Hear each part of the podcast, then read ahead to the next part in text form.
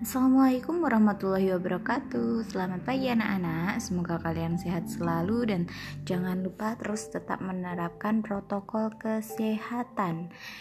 Dan hari ini kita akan mempelajari mengenai beberapa materi penting Yang akan keluar pada penilaian tengah semester minggu depan. Jadi yang pertama harus kita pelajari adalah mengenai puisi rakyat dan yang kedua adalah mengenai fabel.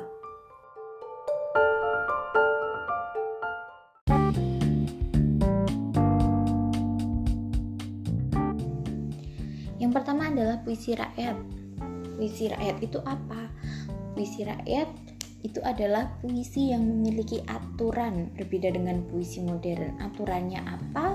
Nah, aturan-aturan inilah yang nanti menyebabkan jenis-jenis dari puisi rakyat itu berbeda-beda. Yang pertama yang akan kita pelajari adalah tentang pantun, yang kedua syair, yang ketiga adalah gurindam. Sambil kalian bisa melihat di LKPD atau di rangkuman yang saya berikan, kita akan mengenal beberapa ciri pantun, syair, dan gurindam. Pantun itu memiliki empat baris dalam satu bait. Kita kalian bisa melihat di halaman 3 itu ada empat lari dalam satu bait dalam satu kotak itu. Lalu yang kedua ada 8 sampai 12 suku kata di setiap baris. Maksudnya apa? Kalian bisa melihat contohnya. Kita bersama-sama lihat contohnya di LKP di halaman 3 itu. Pergi ke pasar beli pepaya. Bu itu ada berapa suku kata? Per 1, Gi 2, ke 3, Pa 4, Sar 5, B 6, Li 7, P8, PA 9, ya 10. Jadi pergi ke pasar beli pepaya itu ada 10 suku kata. Jadi kalian bisa coba itu juga di pantun, syair atau gurindam. Itu adalah cara menentukan suku kata dalam setiap baris. Dicoba aja itu. Eh, baris-baris selanjutnya ada berapa suku kata untuk latihan silahkan. Lalu Rima akhir setiap baris atau yang disebut dengan sajak itu adalah A B A B. Cara nentuinnya gimana, Bu? Kalian lihat saja kata terakhir dari setiap baris. Misal kalian bisa buka halaman 3 pepaya, bijinya, bahagia, kuncinya. Nah, ambil suku kata terakhir. Ya, nya, ya, nya itu adalah maksud dari ABAB baris selanjutnya tiktar tiktar. Dari batik gitar cantik tergetar. Baris selanjutnya ada katri katri. Baris terah bait terakhir lam an lam an. Kenapa saya bilang an bukan nan kan karena di sini an adalah sebagai imbuhan akhiran ya. Jadi bukan nan atau kan tapi an karena kata dasar kedinginan itu adalah dingin otomatis n-nya masuk ke ke suku kata sebelumnya lalu ciri keempat, baris pertama dan kedua dari pantun itu merupakan sampiran, jadi tidak ada maknanya. Tapi tetap harus ada. Yang terkelima ada baris ketiga dan keempat merupakan isi. Jadi yang ingin disampaikan oleh orang yang membaca atau menulis pantun itu adalah itu tadi kedua baris terakhir. Misalnya, kalau kalian hendak bahagia, usaha dan doa kuncinya. Intinya kan meminta kalau orang-orang ingin bahagia ya harus mau berusaha dan berdoa gitu. Itu adalah isi dari pantun tersebut. Yang selanjutnya kita membahas mengenai syair. Syair itu awalnya dari Persia jadi sama dengan pantun dia setiap bait empat baris juga tapi berbedanya nanti di ciri kedua, ketiga dan selanjutnya. Jadi ciri keduanya adalah setiap baris terdiri dari 8 sampai 14 suku kata. Jadi lebih panjang dari pantun.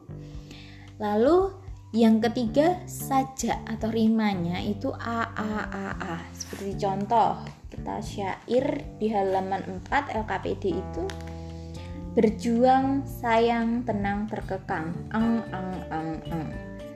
Di sini selanjutnya cahaya doa tercinta bahagia. Itu kan akhirnya a a a a.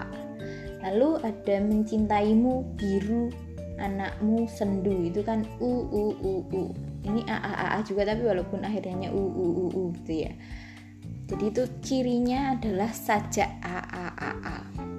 Lalu yang ke, ciri keempat dari syair adalah semua baris adalah isi. Jadi tidak ada sampiran, semua barisnya itu adalah isi. Jadi ketika kalian ditanya isinya apa, kalian harus membaca dari awal.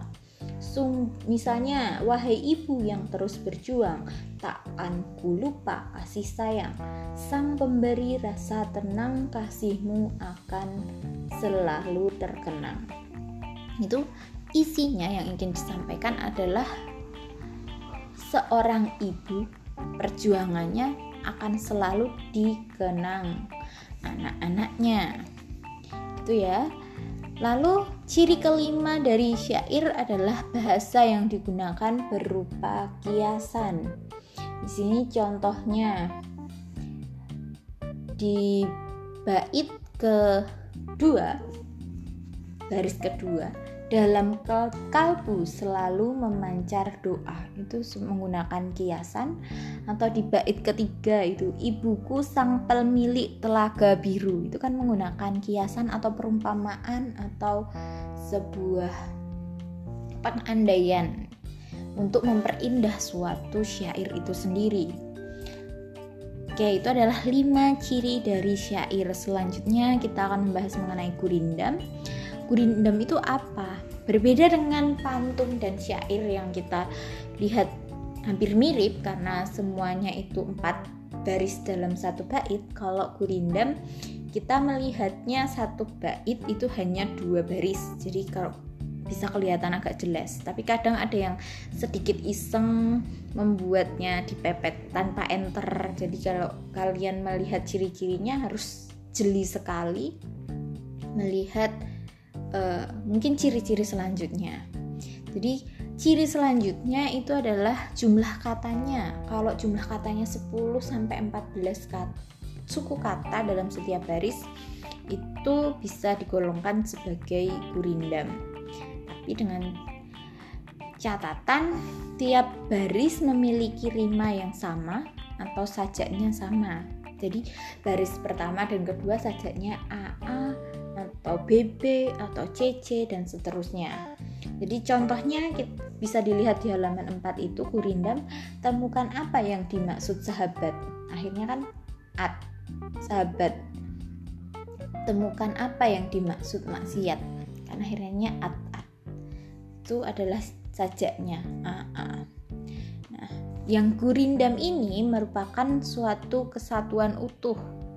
Hmm, dan baris pertama berisi soal atau masalah atau perjanjian dan baris kedua isinya adalah jawabannya atau isi atau maksud masalah dari suatu perjanjian. Jadi isinya itu biasanya nasihat, filosofi hidup atau kata-kata mutiara yang dirangkum menjadi satu. Itu caranya menyimpulkan isi yaitu tadi kalian harus melihat uh, dibaca sungguh-sungguh dan kalian parafrasekan menjadi kalimat baru. Misalnya, janganlah menjadi orang yang memelas, nanti kamu menjadi orang yang malas. Janganlah kita sedikit-sedikit mm, maunya diberi, diberi. Nanti kan kita jadinya malas gitu kan. Jadi kita harus maunya berusaha filosofinya seperti itu. Kalau dikit-dikit ah ntar gampang ntar dikasih ini ntar dikasih itu. Kita akhirnya malas tidak mau berusaha. Itu ya. Lalu uh, untuk selanjutnya kita akan menelaah unsur kebahasaan dan struktur kebahasaan di podcast selanjutnya. Nah,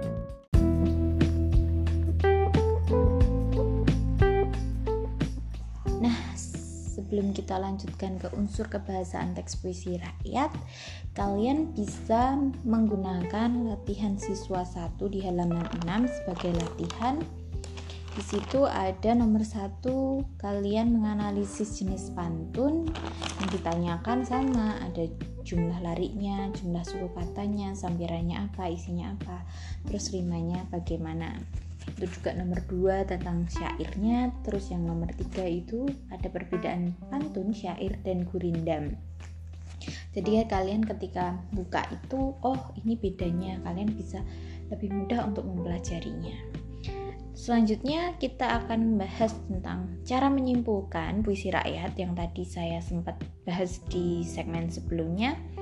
Itu dengan cara memparafrase. Apa itu memparafrase itu menggunakan mem bahasa yang lain atau bahasa yang lain kata-kata yang lain kalimat yang lain tapi maknanya sama.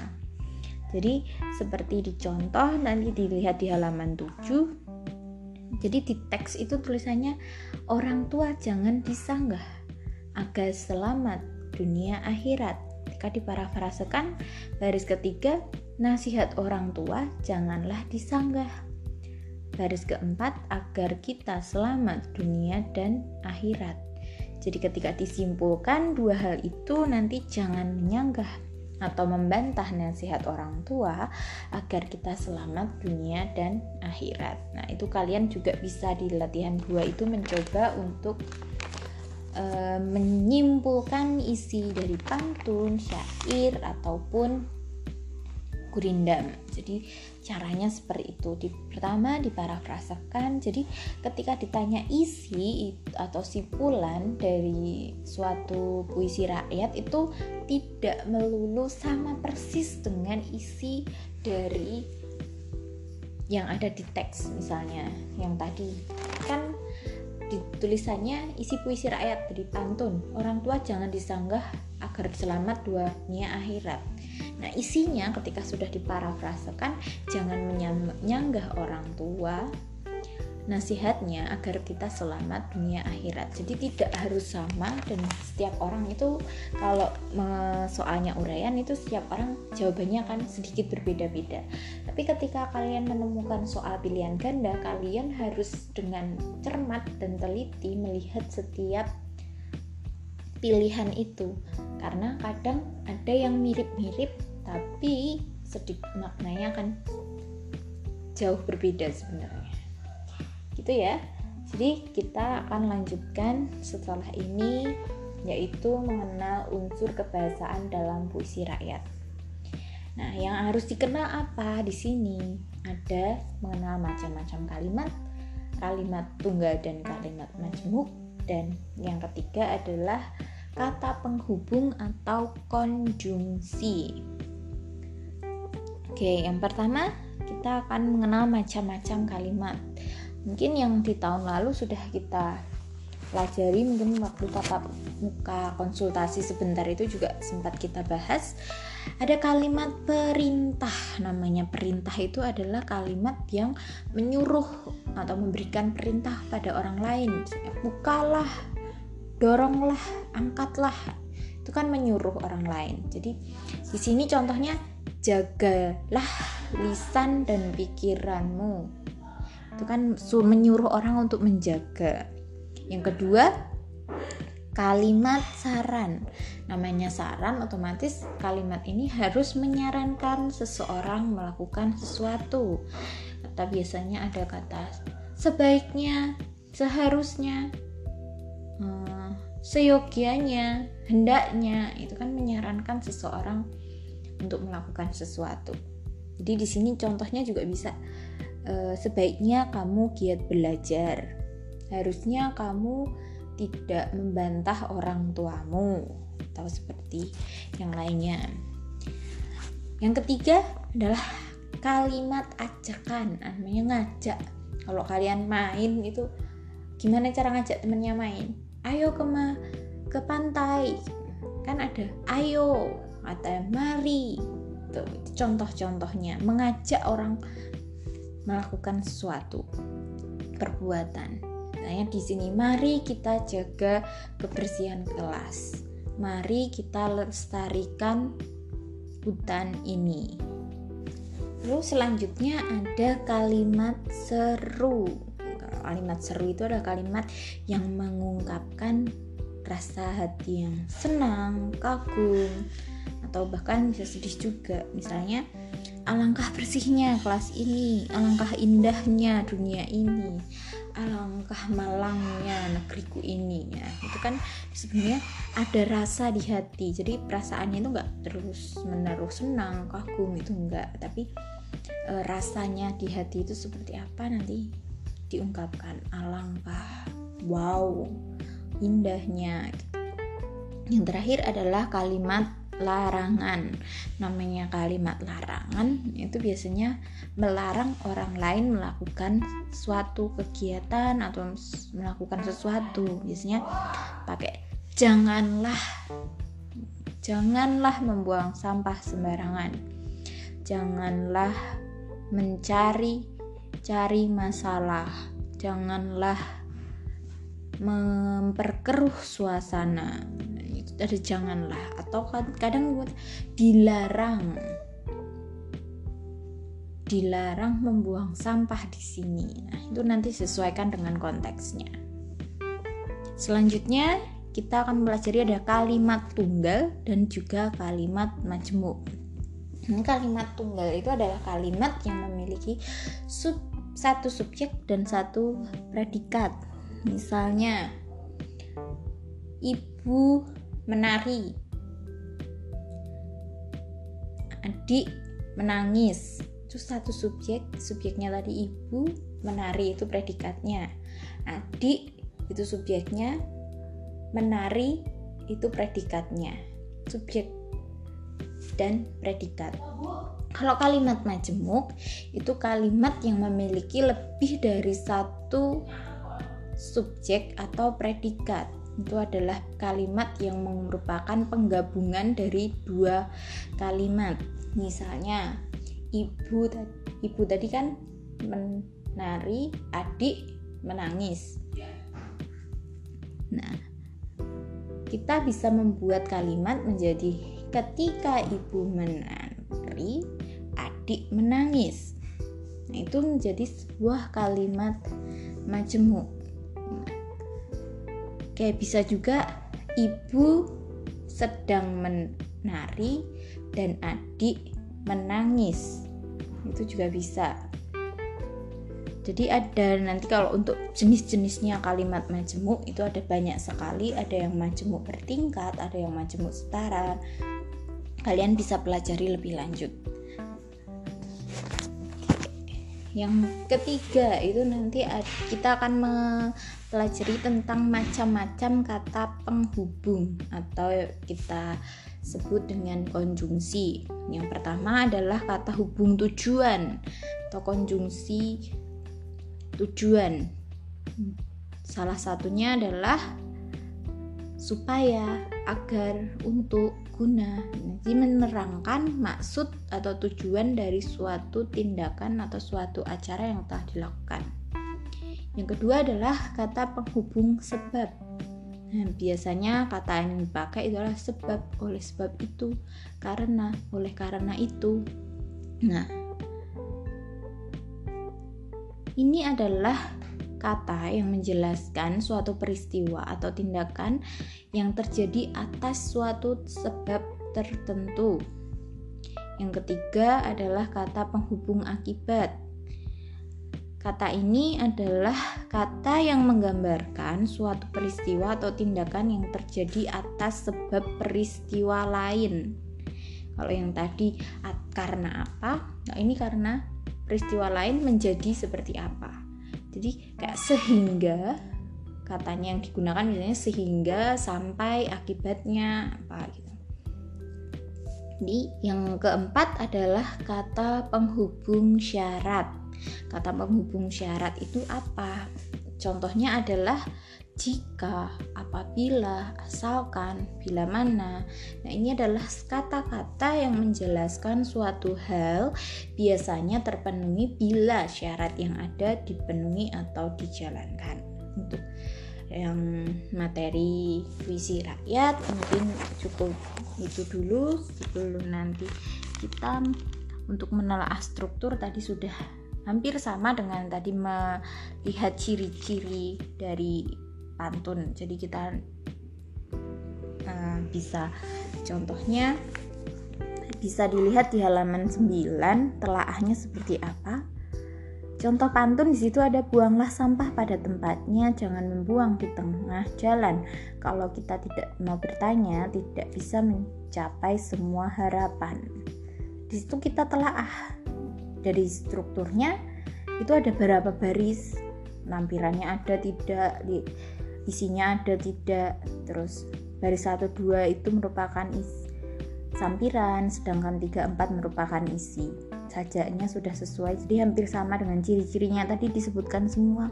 Tapi jika ada yang salah bisa ditulis di situ. Misalnya tadi suku katanya hanya tujuh suku kata. Nah itu telaah contoh telaah. Nah ini juga ditambahkan kisah. Pantun pertama buanglah. Itu adalah kata dari ciri dari kalimat perintah.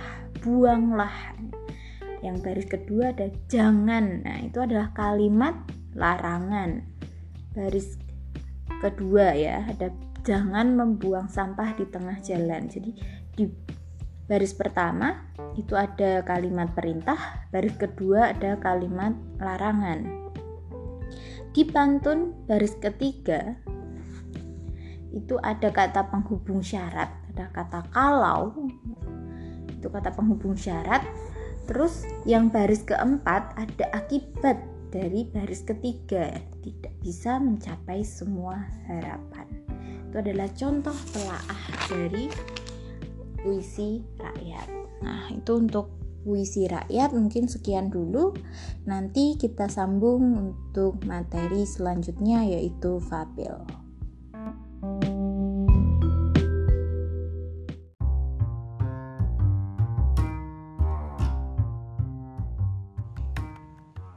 materi selanjutnya yang akan kita bahas adalah mengenai teks fabel. Teks fabel itu apa? Teks fabel itu intinya adalah cerita mengenai hewan-hewan yang menjadi inti dari ceritanya.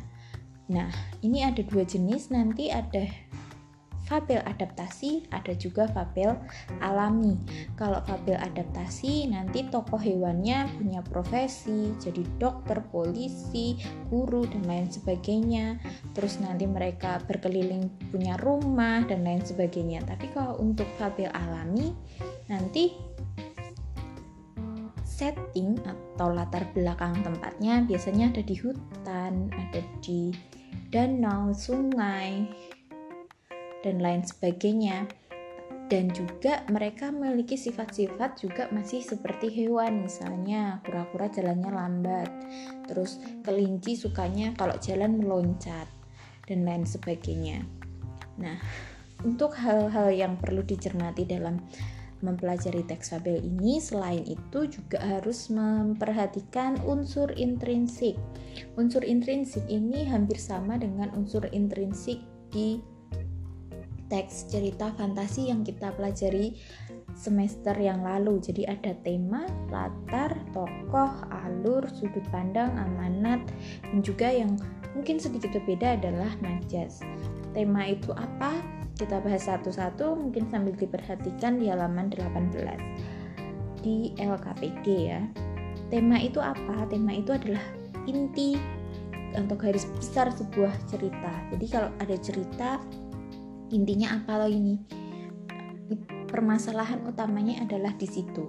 Misalnya yang paling sering kita amati mungkin nanti ada suatu cerita tentang pendidikan temanya keagamaan temanya fantasi. Kemarin nggak sihir ya kalau di teks ini adalah biasanya temanya kehidupan sehari-hari yang selanjutnya ada latar. Latar itu ada tempat waktu dan suasana. Latar tempat yang di mana tempatnya terjadinya cerita itu latar waktu di kapan terjadinya cerita itu. Terus yang terakhir adalah suasana. Itu yang menggambarkan uh, suasana yang terjadi di dalam cerita. Selanjutnya adalah tokoh. Tokoh ini nanti ada di sebenarnya kan seperti yang di cerita teks fantasi yang tahun lalu kita bahas itu ada tiga. Ada yang protagonis yang baik antagonis yang jahat dan tritagonis yang penengah. Tapi di sini juga ditambahkan nanti ada mungkin ada yang mengatakan ada tokoh utama dan tokoh tambahan. Tokoh utama itu adalah tokoh yang paling banyak diceritakan atau yang biasanya tuh jadi judul itu adalah tokoh utama. Misalnya kura-kura yang malas. Nah itu tokoh utamanya mesti adalah kura-kura. Tokoh tambahannya adalah tokoh-tokoh yang muncul di dalam cerita itu tapi tidak sampai diceritakan sampai banyak. Nah selanjutnya adalah alur. Alur ada alur maju ada alur mundur ada alur maju mundur atau campuran. Nah bedanya apa? Kalau alur maju itu ceritanya hari ini besok besoknya lagi, minggu depan, tahun depan, dan selanjutnya. Kalau alurnya mundur, itu ceritanya hari ini menceritakan seminggu yang lalu seperti ini, seperti ini, seperti ini, atau satu tahun yang lalu seperti ini, seperti ini, seperti ini. Nah, kalau alur campuran seperti apa, Bu? Kalau alur campuran, ceritanya saat ini saya menceritakan kemarin itu saya bertemu dengan ini ini ini ini. Lalu dia pulang. Hari itu seminggu kemudian dia bercerita tahun lalu aku ber bertemu dengan yang ini ini ini. Jadi alurnya maju dan mundur jadi satu. Jadi kebanyakan jarang sih ditemukan untuk alur yang maju mundur untuk teks fabel apalagi penggalan yang selanjutnya kita bahas adalah sudut pandang. Nah, itu kalian bisa simak lagi di catatan mungkin tahun lalu sudah pernah saya berikan. Sudut pandang nanti dibagi menjadi dua, dua nanti dibagi jadi dua lagi. Jadi ada empat jenis sudut pandang. Yang pertama, sudut pandang orang pertama atau akuan.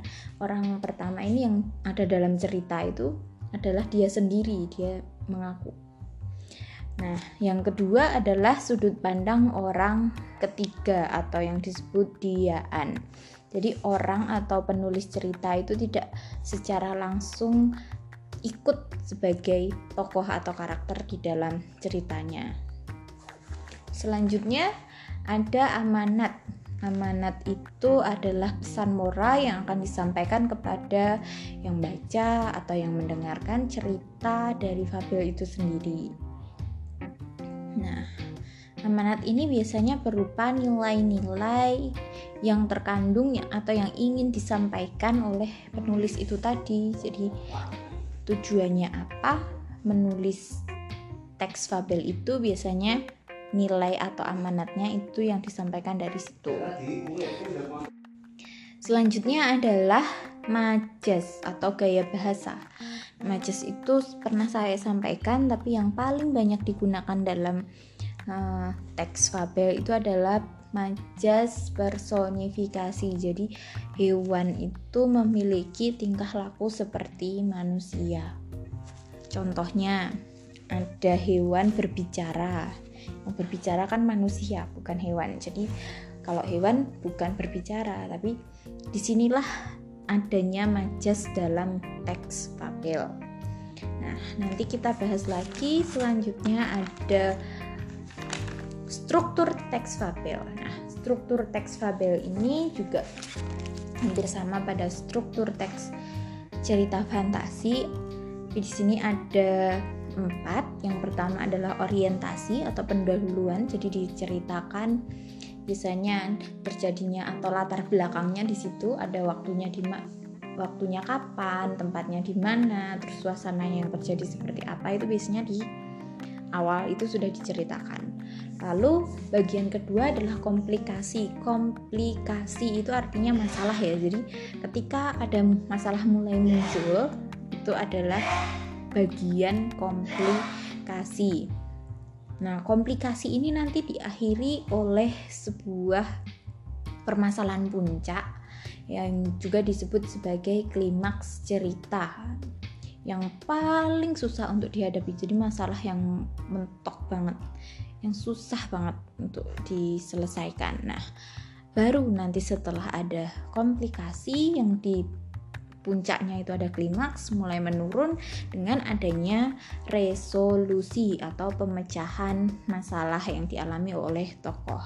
Dan yang terakhir itu ada biasanya ada bagian koda koda itu biasanya bagian akhir yang isinya adalah tadi amanat atau pesan yang disampaikan oleh pembuat atau pe pembaca cerita teks fabel itu sendiri gitu ya. Itu jadi ada empat strukturnya ada orientasi komplikasi resolusi dan koda ya. Bukan kode tapi koda oke selanjutnya mungkin sampai situ. Oke sampai situ dulu. Nanti kita sambung lagi untuk ke unsur teks kebahasaan teks fabelnya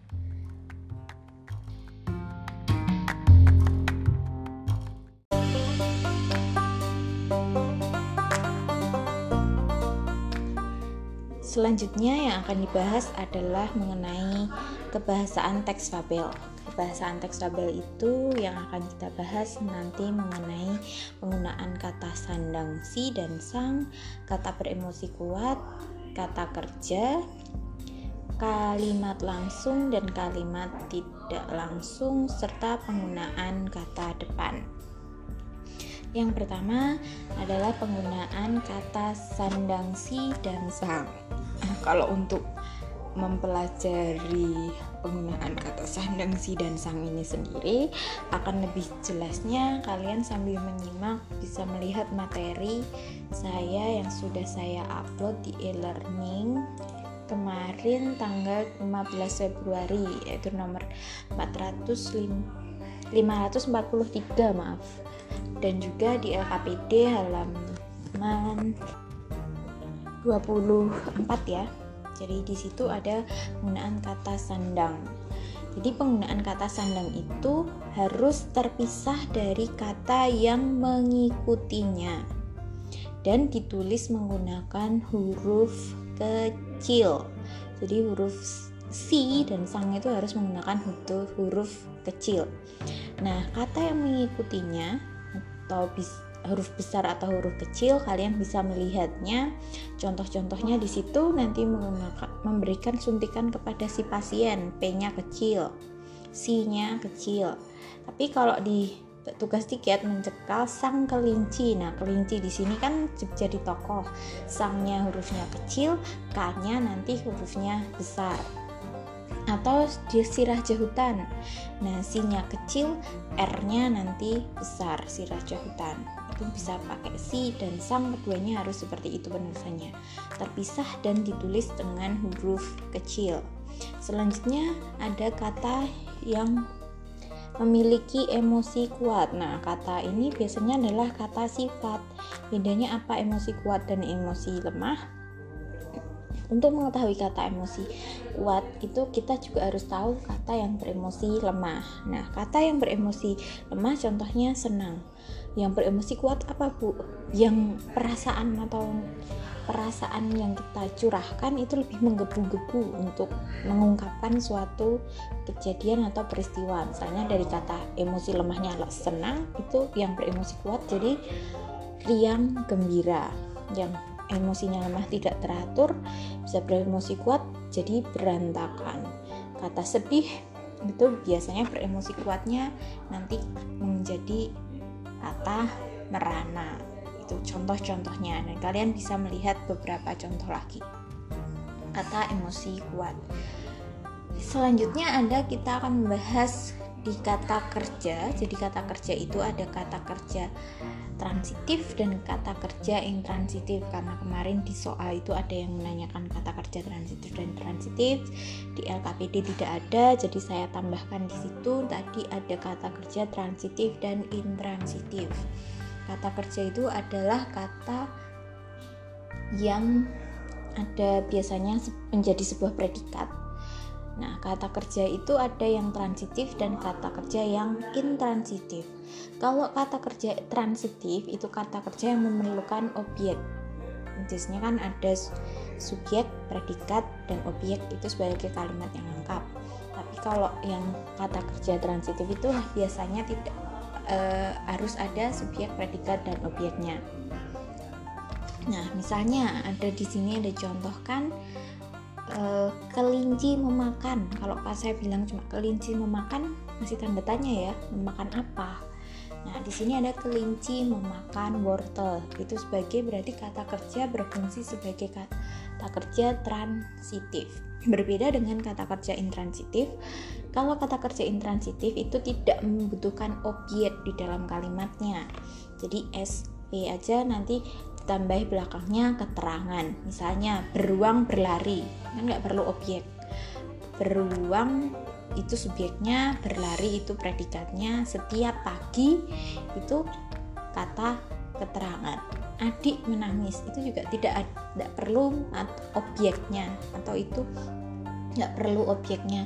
Menangis terus apa? Itu nggak di belakangnya nggak perlu objek. Jadi itu juga sebagai kata kerja intransitif jadi belakangnya misalnya adik menangis biasanya kan karena terjatuh. Nah adik itu subjek menangis itu predikat. Yang predikatnya tadi berupa kata kerja intransitif dan karena terjatuh itu karena keterangan sebagai keterangan posisinya.